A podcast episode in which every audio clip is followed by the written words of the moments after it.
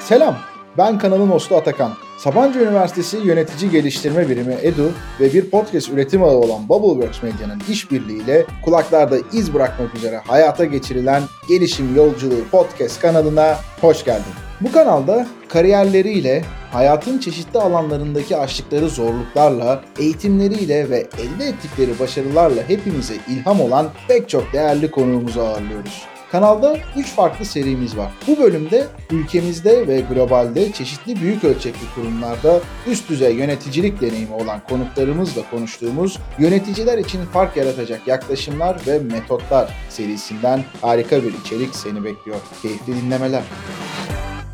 Herkese selamlar sevgili gelişim yolculuğu dinleyicileri. Yeni bir bölümde daha birlikteyiz. Bu bölümde de yöneticiler için fark yaratacak yaklaşım ve metotlar serimizde kulaklarınızdayız. Biliyorsunuz bu seride her zaman çok değerli, deneyimli, pek çok kurumda işte üst düzey yönetim pozisyonlarında bulunan önemli konuklarımız bulunuyor. Bu bölümde de aynı şekilde benim de oldukça heyecanlı olduğum bir konuğumuz var. Esas Holding CEO'su sevgili Çağatay Özdoğru bizimle. Hoş geldiniz Çağatay Bey, nasılsınız? Hoş bulduk Atakan Bey. Siz nasılsınız? Vallahi ben de iyiyim. Çok sağ olun. Burada biraz önce de konuştuk gerçi ama yılın başı bu yoğun tempo içerisinde de vakit ayırdığınız için çok teşekkür ederiz. Burada sizleri ağırlamak hem bizim için hem dinleyicilerimiz için oldukça değerli. Benim için de aynı şekilde çok heyecan verici. Süper çok sağ olun. Şimdi dilerseniz çok da böyle konuşacak olduğumuz önemli konular var. Bir sizi tanıyarak başlayalım. Hem işte özel hayattan, hobilerden, varsa çeşitli meraklardan bir yandan da zaten profesyonel yolculuğunuzla birlikte de devam edeceğiz. Tabii memnuniyetle ben 2005 yılından beri Esas Holding'deyim. Esas Holding'in kurucularından birisiyim diyelim. 2010 yılından beri de Esas'ın CEO'suyum. Ondan önceki hayatım yani 2005 yılından önceki hayatım daha ziyade teknoloji endüstrisinde geçti. Eğitimim de orada geçti. Ben 1966 İstanbul doğumluyum. Saint Bernard Fransız Lisesi mezunuyum. Ardından İstanbul Teknik Üniversitesi Elektronik ve Haberleşme Mühendisliğinden 1989 yılında mezun oldum. Onun da devamında 1991 yılında Washington DC George Washington Üniversitesi'nden yine elektronik mühendisliği yüksek lisans veya yüksek mühendis olarak oradan da mezun oldum. Yani dediğim gibi 2005 yılına kadar olan hayatım teknoloji endüstrisinde geçti. Unisys gibi, IBM gibi, Frans Telekom grubu gibi bilişim teknolojileri ve telekomünikasyon şirketleri içerisinde kariyer yolculuğum dediğim gibi 2005'te de Esas Holding ile bambaşka bir alana evrildi. Yani 2005 yılına kadar olan devir teknoloji endüstrisi, 2005 yılından sonraki de bambaşka endüstrilere yatırım yapan daha yatırım odaklı bir iş diyelim. Onun dışında da işte özel hayat vesaire sordunuz. Yani ben sporla çok iç içeyim. Gençliğimden beri çok sporun içindeyim. Profesyonel seviyede basketbol oynadım. Onun dışında da şu anda yine gerek sivil toplum örgütlerinde gerekse spor endüstrisinde görevler yapıyorum. Bunu da söylemiş olayım. Ben Fenerbahçe Futbol Ayşe Bağımsız Yönetim Kurulu üyesiyim. Onu da böyle bir ifade Buradan Fenerbahçe'de dinleyicilerimize doğru da selam vermiş olalım. Evet ama eşim de Galatasaray Lisesi mezunu. Öyle denmez.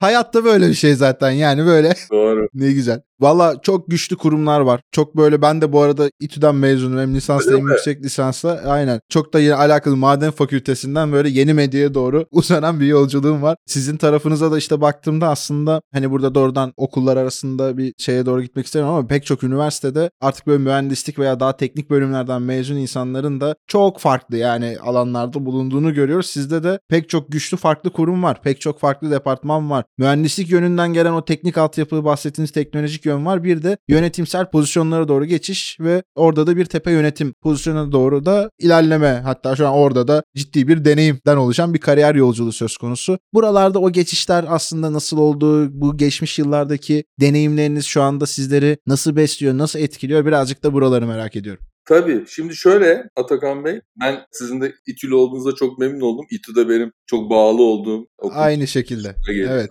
Şimdi teknik üniversite çok zor bir okul. Siz de oradan mezunsunuz. Hı hı. 1985 yılında girdim. 1989'da mezun oldum. 4 yılda biz yanlış hatırlamıyorsam 200 kişi girdik elektronik bölümüne ve 50 kişi 4 yılda mezun oldu. Yani %25 4 yılda anca bitirebildi. Zor bir okul. Şimdi bu bizim okulda sizde de benzer şeyler vardır belki. İlk iki yıl genel mühendislik, matematik, fizikler vesaire Tabii. vesaire, malzeme bilimleri yani her şeyden öğreniyorsunuz. Son iki yılda bizim o zaman paket dediğimiz böyle konsantrasyon seçiyordunuz. Bizde bir takım şeyler vardı. Yani elektronikle ilgili, mikro elektronik vesaire. Ben o zaman dijital haberleşmeyi seçtim. Yani seçme nedenim bana en kolay o gelmişti açıkçası. O derslerim daha iyiydi. Oradaki hocalarla da biraz daha iyi iletişimim var. Dolayısıyla ben o dijital telekomünikasyon bölümünü seçtim. Ve o seçim açıkçası benim hayatımı değiştirdi. Çok bilinçli bir seçim o zaman için değildi. Daha ziyade dediğim gibi sevdiğim ve bana da kolay geldiği için yaptığım bir tercihti. Ondan sonra bu yüksek lisanstan sonra Amerika'daki bir süre Amerika'da çalıştıktan sonra ben Türkiye'ye geri dönüş yaptım. İşte askerlik vesaire. Ondan sonra da demin bahsettiğim gibi bilgi teknolojileri endüstrisinde çalışmaya başladım. Tam bir mühendis gibi değil yani daha böyle satış mühendisi gibi diyelim. Ama yine teknolojinin çok içinde olan ama satışa destek veren vesaire. Tam işte o zamanlarda yani 90'ların ikinci yarısı gibi aşağı yukarı diyebiliriz. Yani 96'dan sonra Türkiye'de bir telekomünikasyon endüstrisinde bir takım değişimler olmaya başladı. Dünyada da. İşte bugünkü Turkcell'ler, Vodafone'lar vesaire o zaman ilk kez lisans alarak Türkiye'de operasyona başladılar. Yani mobil telekomünikasyon. Ve aynı yıllarda da internet de dünyada bir şekil değiştirdi ve hızlıca yayılmaya başladı. İşte o anda ben bilişim endüstrisinden iletişim endüstrisine bir geçiş yaptım. Frans Telekom grubuna geçtim. Ve dediğim gibi o geçiş benim hayatımı değiştirdi. Niye hayatımı değiştirdi? Bu alanda iyi yetişmiş bir insan grubu pek yoktu. Konu yeni. Ben konuya en azından eğitim olarak çok yakınım. İşte Amerika'da yüksek lisans yapmışım vesaire. Ve ben bir anda o Frans Telekom grubunun Türkiye şirketinde 1998 yılında 32 yaşında bir anda kendimi genel müdür buldum. Çok iddialı bir deney bu arada ya. Evet. Çok yani farklı böyle herkesin de denk gelip yakalayamayacak olduğu bir tecrübe olsa gerek. Yani kesinlikle bir anda işte dediğim gibi 32 yaşında dünya çapında böyle kocaman bir şirketin yine bugünkü rakamlarla bile ciddi cirosu olan bir şirketin bir anda Türkiye Genel Müdürü oldum. Bir anda derken şirketin başında Amerikalı bir genel müdür vardı. O bir hayat değişikliği için ülkesine geri dönme kararı aldı. İşte merkezdeki insanlar bakın orada da sporun çok etkisi vardı. Yani ben işte o basketbolculuk var. Benim bağlı olduğum veya Türkiye'nin bağlı olduğu Frans Telekom grubundaki o insan Amerikalı. Eski bir basketbolcu kolej seviyesinde.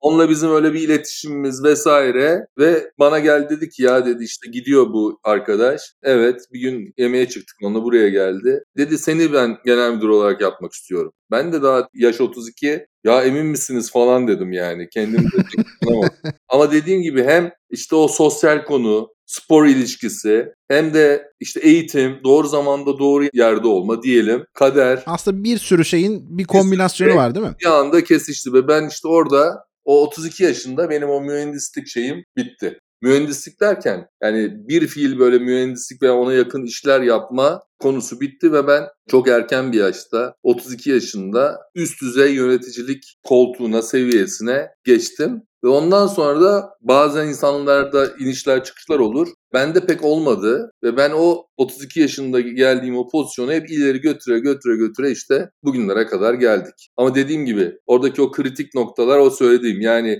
eğitim, spor ve hiç beklenmedik bir değişim. Bir de tabii oraya geçerken o da çok önemli. Ben IBM'de çalışıyorum. Acayip bir, kariyer hedeflerim var. Seviliyorum vesaire vesaire. Orada bir risk aldım yani. Ben oraya geçerken daha Türkiye'de yeni kurulan büyük bir yabancı şirketin işte ofisine geçmek o da bir risk almaktı. Sizin sorularınız arasında var ama konuşuruz ileride. Dolayısıyla o riski de alarak böyle bir geçiş yaptık ama neticesi benim için iyi oldu. Anladım süper. Doğrudan ön hazırlığı yaptığımız soruların içerisinde yoktu ama işin sürekliliğini sağlamayla ilgili de belki bir noktada bir parantez açmanızı rica edebilirim sizden veya siz sohbet içerisinde uygun gördüğünüz bir yerde. Çünkü çok değerli bir şey. Yani o çok önemli. Ya hani iniş çıkış da çok doğal bir şey bu arada. Hepimizin hayatında olabilir ama Tabii. bunu bir şekilde çok böyle aşırı aşağıya doğru ivmelenmesine izin vermeden diyelim en azından ve artan yükselen bir eğriyle götürmek kolay bir konu değil yani. Dediğiniz o çok önemli bahsederiz. Belli bir yaşa gelince 50'li yaşların başı diyelim yani 40'ların sonu o zaman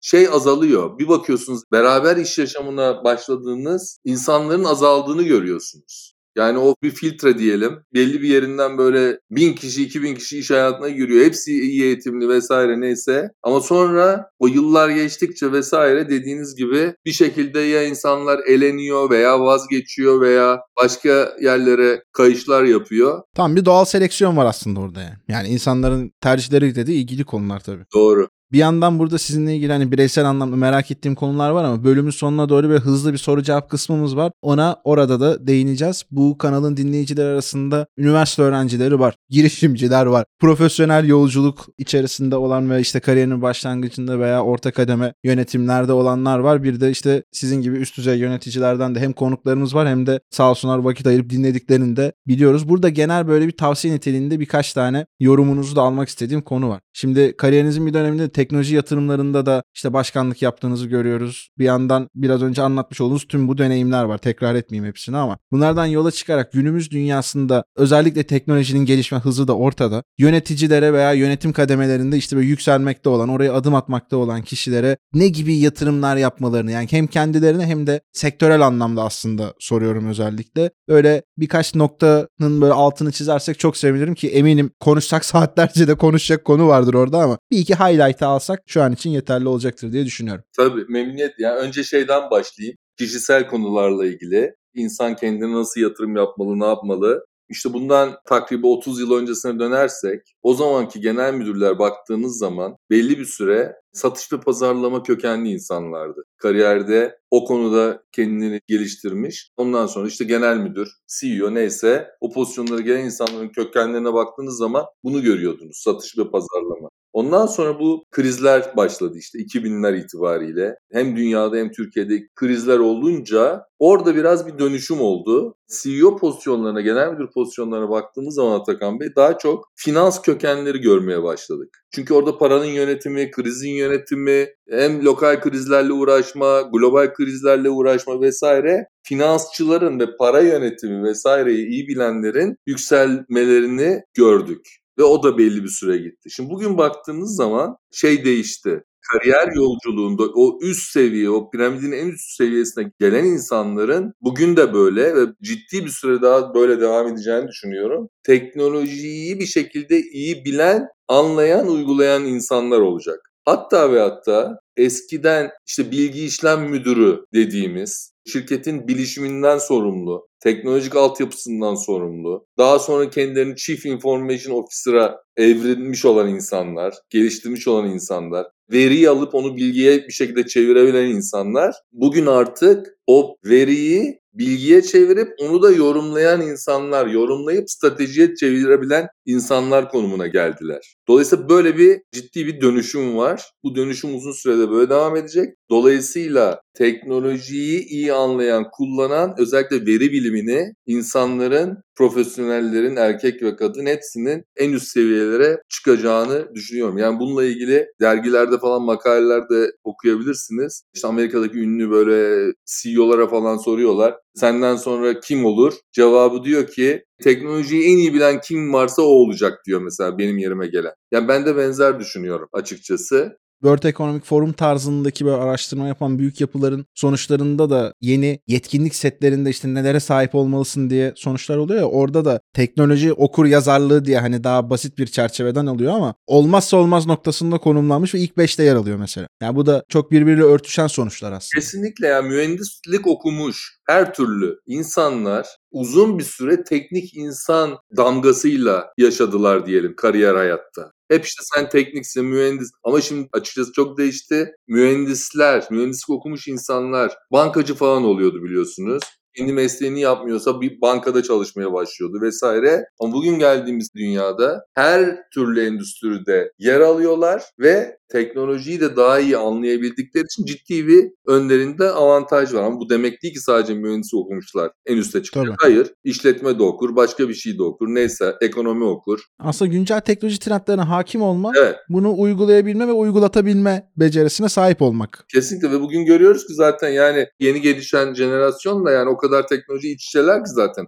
Üniversitede okudukları şeyin önemi de biraz daha az gibi diye düşünebiliriz. Şimdi burada şirket yöneticileri ne yapmalı? Tabii ki dijital dönüşüm. Ama dijital dönüşümü sadece bilgisayarlaşmak, işte teknolojiyi kullanmak için değil, asıl kültürü değiştirmek. O bir kafa yapısı. Dijital dönüşüm demek inovasyon demek, biraz girişimcilik demek ve işlerde de verimlilik demek. Dolayısıyla bu kafa yapısıyla bu projeleri başlatıp bu dijital dönüşümleri bir şekilde sağlamak ve tabii ki de hem yapay zeka ve veri bilimi ikisi iç içe. İkisini birbirinden çok ayırmıyorum ben. Bunu da mutlaka işlerinde kullanmak ve karar verme mekanizmalarına sokmak. Yani data science veya veri bilimi şu anda çok daha kullanılabilir halde. Mutlaka karar verme mekanizmalarında, analizlerde vesairede çokça kullanılması lazım. Yapay zekanın uygulama alanları biraz daha yeni yeni biliyorsunuz uygulamaya giriyor. Biraz halen daha keşif aşamasında gibi yani. Herkes öneminin farkında ama Tabii tam uygulaması nasıl olacak minik soru işareti Evet hala. ama ondan da geri kalmamak gerekiyor. Çünkü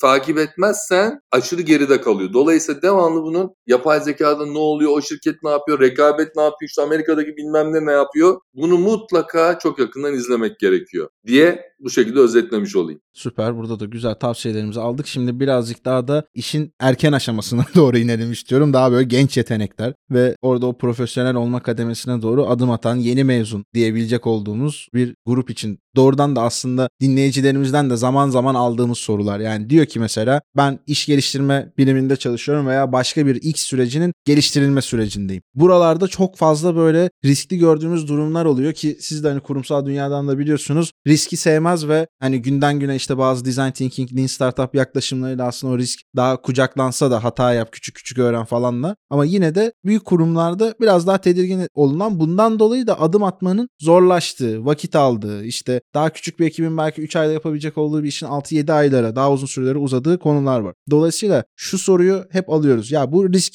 nasıl tanımlanıyor ve nasıl yönetiliyor? Biz nasıl yapmalıyız bunu gibi gelen bir soru var. Ben de böyle doğrudan size doğru elçilik yaparak size taşımış olayım soruyu. Tabii şöyle, şimdi risk dediğinde aslında karar verme. Nasıl karar alacağım? Yani belli bir pozisyondayım ben. Bir uzman pozisyonda olabilirim. Ondan sonra biraz daha işte orta düzey yönetici olabilirim vesaire vesaire. Risk dediğimiz şey aslında kökeni o. Yani risk var ama neyi etkiliyor? Karar verme. Karar verirken nasıl karar vereceğiz? Bir kere bir, biraz felsefi şeyle başlayayım. En kötü karar bile kararsızlıktan iyidir. Yani bir onu bir herkes bir kafasında bunu bir koyması gerekiyor. Şimdi karar verirken genç yaşlarda yeni mezun olmuş vesaire iki tane etken var. Bir tanesi rasyonalizm yani beyin ve tartma. İkincisi de kalp yani gönül. İç sesin ne diyor? Sezgiler falan vesaire. Şimdi insan hayatının kariyerinin ilk başlarında bilgili olduğunu zannediyor ama bilgi sadece okul değil. Bilgi yaşadıklarınız, düşüşleriniz demin bahsettiğimiz gibi, attan düşmeler vesaire vesaire. Yani onlardan ders çıkarmak yani tecrübe. Şimdi tecrübe olmayınca, yaşamışlık olmayınca insan daha çok ilk kararları alırken veya karşısına bir risk çıktığı zaman risk ne demek yani bilmediğin bir şey. O yüzden korkarsın. Daha çok kalbinin sesini dinler, biraz da beyninin sesini dinler. Bu birazcık işte karakterle falan da biraz değişebilir. İşte burçlar falan yani balık burcu değil mi? Daha romantiktir. Ondan sonra ben balık burcuyum. İşte daha böyle kalbini daha çok dinlersin. Beynin biraz daha geriden gelir. Ben mühendislik okuduğum için o biraz dengeliydi diyelim. Sonrasında da bu şeyler başlıyor. Karar alıyorsun, riski görüyorsun, risk var. Tamam ben ona ne yaparım? İşte A planım bu, mutlaka B planım. Ben mutlaka tek opsiyonlu hayatta hiçbir zaman hiçbir yere şey yap. Hep bir B planı nasıl olur? Yani downside senaryo diyelim. Orada ne yaparsın? Hep öyle düşünmüşümdür. Dediğim gibi o biraz da tabii bizim mühendislik okumuş olmamızın da getirdiği bir şey. İkinci yol nasıl olur? Biraz daha kök nedene inelim vesaire gibi. Kökü bulup oradan bir takım çözümler yaratmaya çalışalım. Ama neticede insan bir takım kararlar alır. O kararları alırken de bazen hatalar yapabilir. Mühim olan oralardan dediğim gibi ders çıkarmak. Bugün de aynı şey devam ediyor. Yani bugün değil mi bir sürü ben gündelik hayatımda onlarca karar alıyorumdur. Bazıları çok çok çok böyle büyük kararlar da alıyorumdur. Orada şimdi artık bir takım teknikler de geliştiriyorsun. Yani özellikle istişarenin çok önemli olduğunu öğreniyoruz hepimiz. Yani başka insanlarla da bunu tartışma ve öyle bir ortam yaratacaksın ki zaten çalıştığın şirkette, kurumda o özgür düşünceyi ifade etme kültürü olması gerekiyor. Yani bir üst yönetici olarak ben dediğim gibi gibi bir işe gireceğim. Riskler var. Etrafı dinlemem lazım. Konuyu iyice araştırmam lazım. Rasyonel olarak düşünmek lazım. Konuyu dibine kadar çok iyi anlamak gerekiyor. Türkiye'deki durumu, herhangi bir yatırım kararı olabilir. İşte dünyada ne oluyor, ne bitiyor, bu şirket nasıl yönetiliyor, başında kim var? Çok detaylı analizler. Ondan sonra da istişare gerekli o kurumsal yapıları kurarak, o kurulları vesaireyi o istişare yaparken de şirket kültürü çok önemli oluyor. Yani insanların fikirlerini, düşüncelerini özgürce ve korkmadan ifade edebilmeleri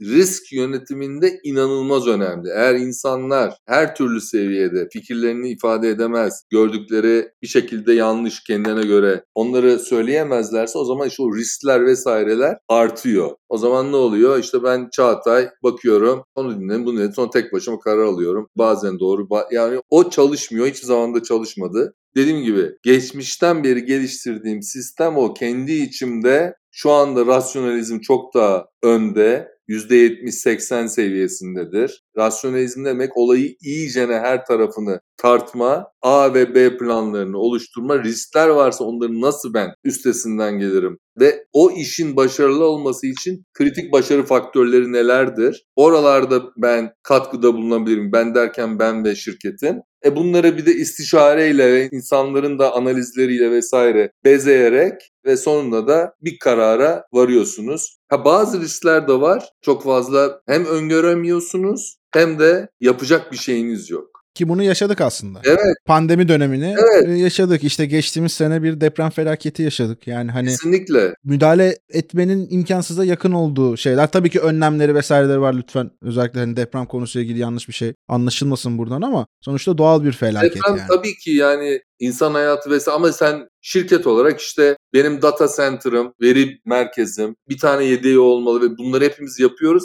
Yapmaya devam ediyoruz. Ama pandemi mesela mümkün değil. Ön Birden kimse ne olduğunu anlamadı bir kere yani. Dolayısıyla genç arkadaşlar yani bundan çok fazla şey yapmasın. Bana da soruyorlar. Ben böyle kariyer günlerine falan gidiyorum bazen. Nasıl karar alıyorsunuz? Çok merak ediyor gençler. Riskleri nasıl şey yapıyorsunuz? Öngörmek kolay ama kolay derken biraz daha anlıyorsunuz yani. Ama ondan sonra önemli olan o riskleri nasıl bertaraf ederim? O çok önemli oluyor. Her şeyi de bertaraf edemezsiniz ve ondan sonra da dönüyorsunuz. Hem tecrübelerinize bakıyorsunuz. Geçmişte biraz dejavu gibi. Ben bunu daha önce yaşamıştım. O açıkçası 50 yaşından sonra biraz oluşuyor. Biraz deneyim istiyor diyorsun. Deneyim 50'den önce biraz zor. 40'lı yaşlarda bile olmuyor benim tecrübem. 50'den sonra o şey oluyor. Yani ben bunu işte şöyle yaşamıştım, böyle olur. Ve en sonunda da biraz da sezgi, kalbinizin sesi vesaire. İşte o kararı alıyorsunuz diyelim. Anladım. Süper. Şimdi bir yandan süreyi iyi yönetmek için sormak istediğim birkaç şey de var. Hızlıca oralara doğru da geçiş yapıyorum. Aslında birkaçına da değindiniz. Yani özellikle tam da yine bu pandemiden yola çıkarak hani pazar koşullarının pek çok sektörde ciddi bir şekilde değişime gittiği ve değişim sürecinin de bir yandan da biraz öncesinde konuştuğumuz yapay zeka ve benzeri teknolojilerle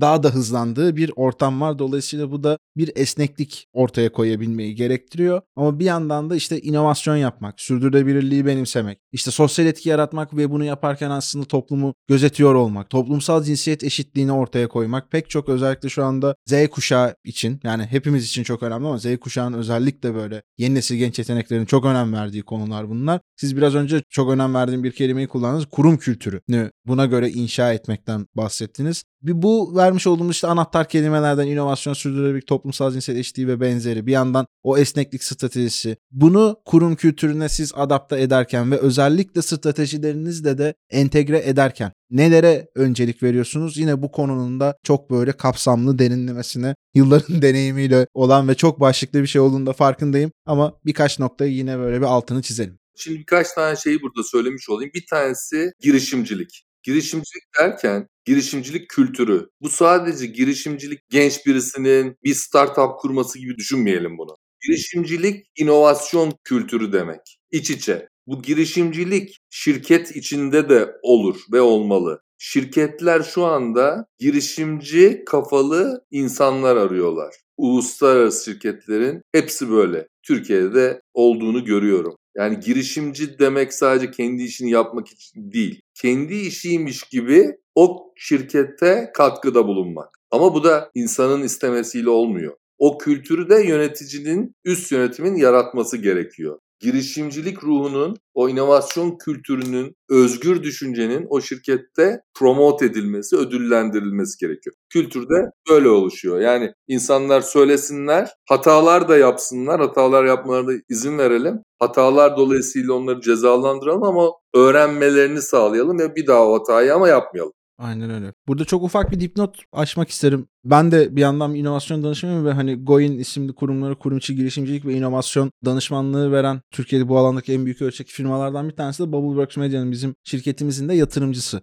Orada biz şeyi çok fazla gözlemliyoruz. Yani ben şu anda ağırlıkla işin hani yeni medya tarafında görev alıyorum ama inovasyon danışmanlığı tarafını yürüttüğümüz veya kurum içi girişimcilik faaliyetlerine girdiğimiz pek çok büyük ölçekli kurumda da bazen yönetici bariyerinin olduğu ve olmadığı kurumlardaki sonuçlar arasında inanılmaz uçurumlar görüyoruz. Orası böyle bir dar boğaz gibi yani kum saatinin tam orta noktası gibi oluyor. Tabii. Oradan o kum güzel bir şekilde akamazsa çıktı olmuyor. Biraz önce bahsettiğiniz ortam oluşmuyor yani. Ama olduğunda da çok güzel oluyor sonuçlar. Ya yüzde yüz. Hiç soru işareti yok. Tabi bunu uluslararası böyle enteresan şirketlerde çok daha iyi de görüyoruz açıkçası. Tabii.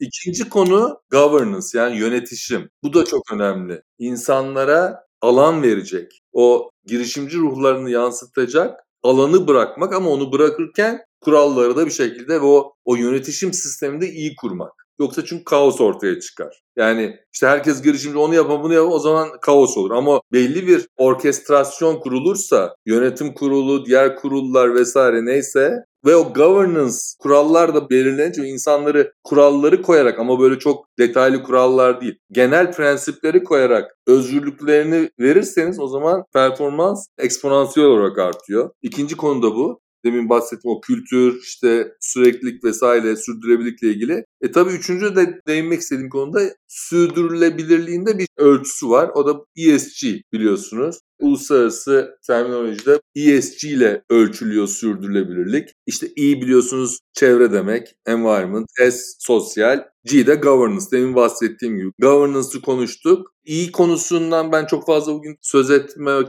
istemiyorum. Şöyle çok zaten konuşulan bir konu. İşte çevreye duyarlı olalım, işte karbon salınımı vesaire vesaire zaten inanılmaz gündemde. Yeşil enerji vesaire işte daha az enerji tüketelim. Şirketlerin çoğu önem veriyor, vermek de zorundalar. Yeni jenerasyon soruyor. Çevreyi kirletiyor musun bu ürünü yaparken vesaire vesaire. Dolayısıyla da tüketicinin diyelim değişen profiliyle hem gönülden hem de maddi olarak diyelim kurumlar bunu yapmak zorunda.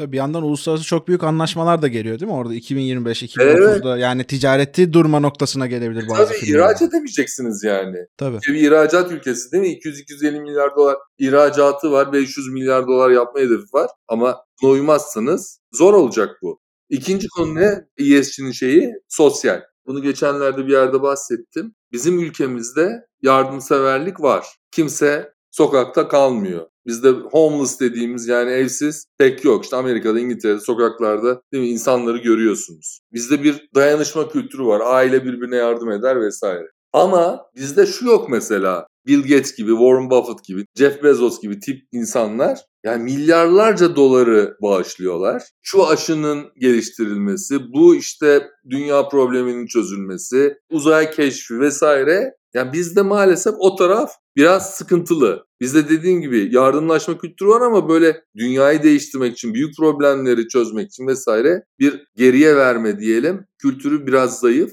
Onu iyileştirmemiz lazım kazanıyorsak hep beraber şirketler ciddi bir kısmını diyelim topluma geri iade etmek gerekiyor. Biz esas holding olarak yani şeyimiz bu. Yani benim içinde bulunduğum kurum diyelim. Böyle bakıyoruz. İşte belli bir konuda katkıda bulunalım. Orada da belki bu vesileyle söyleyeyim. Biz daha ziyade toplumdaki gençler arasındaki eşitsizliğe biraz parmak basıyoruz. Özellikle eğitimdeki eşitsizlik ve o konuda bir takım işte esas sosyal çerçevesinde çalışmalarımız var. Kendi çapımızda bir şeyler yapmaya çalışıyoruz diyelim. Harika süper. Eşitsizlik denilince genelde olay ilk önce cinsiyet üstünden hani yürüyor ki orada da çok büyük problemler var aşılması gereken ayrı mesele ama eşitsizliğin bir de bu tarafı da var. Emeklerinize sağlık diyorum. Oldukça değerli. Yani bu çok önemli bir konu. Şimdi Türkiye'de tabii belli bir yılla öncesinde değil mi 10-15-20 yıl önce iş ilanlarında bile 3 üniversite yazardı. O İTÜ Boğaziçi. Diğer okulların ismi bile olmazdı. Bugün geldiğimiz dünyada kaç 200 tane üniversite var Türkiye'de yanlış bilmiyorsam. Yani 200 üniversitesinin 150'sinin en az belki fazlasının ismini kimse bilmiyordur.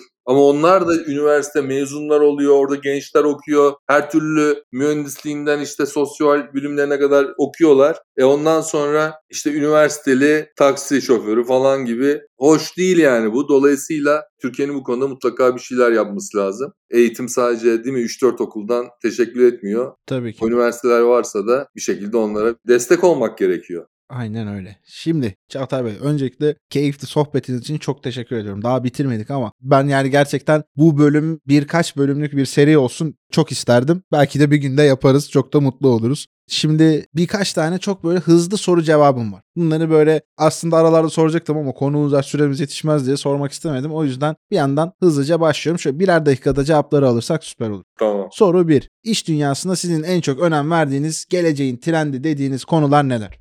İki şey düşünüyorum burada. Bir tanesi iş dünyasında bir daha akıllı olmak zorundayız. Şirketler daha akıllı olmalı. Şirketlerin akıllı olması demek tabii insanla oluyor. Bilgi teknolojiyle oluyor, dijital dönüşümle oluyor, yapay zekanın kullanımıyla oluyor ve fark yaratmakla oluyor. Akıllı şirketler kazanacak. Şirketler daha da akıllı olmak isteyecek. Birinci en önemli trend bence bu iş dünyasıyla ilgili. İkincisi de değişen toplumu anlamak. İşte yeni jenerasyon, pandemi, pandemi sonrası hibrit çalışma vesaire, satın alma alışkanlıkları değil mi? Bir sürü insan elektronik ticareti tanıdı, tanıştı, devam ettiriyor. Elektronik ticaret olayın en primitif tarafı sosyal medyası falan vesaire bunu çok iyi anlayarak buna göre stratejilerini yapmak. Yani iki konu. Bir dediğim gibi akıllanmak herkes akıllı daha da nasıl akıllanır. İkincisi de değişen sosyolojiyi iyi anlamak gerekiyor. Süper. Yine burada da tavsiyeleri verdik ama belki biraz daha açmak istersiniz diye sormak istiyorum. Yüzümüzü yeniden gençlere doğru da biraz daha dönersek iş dünyası dinamiklerine katkı sağlamaları için aslında karşılıklı bir adaptasyon belki de oluşturabilmeleri için en çok hangi yönlerini geliştirmelerini önerirsiniz?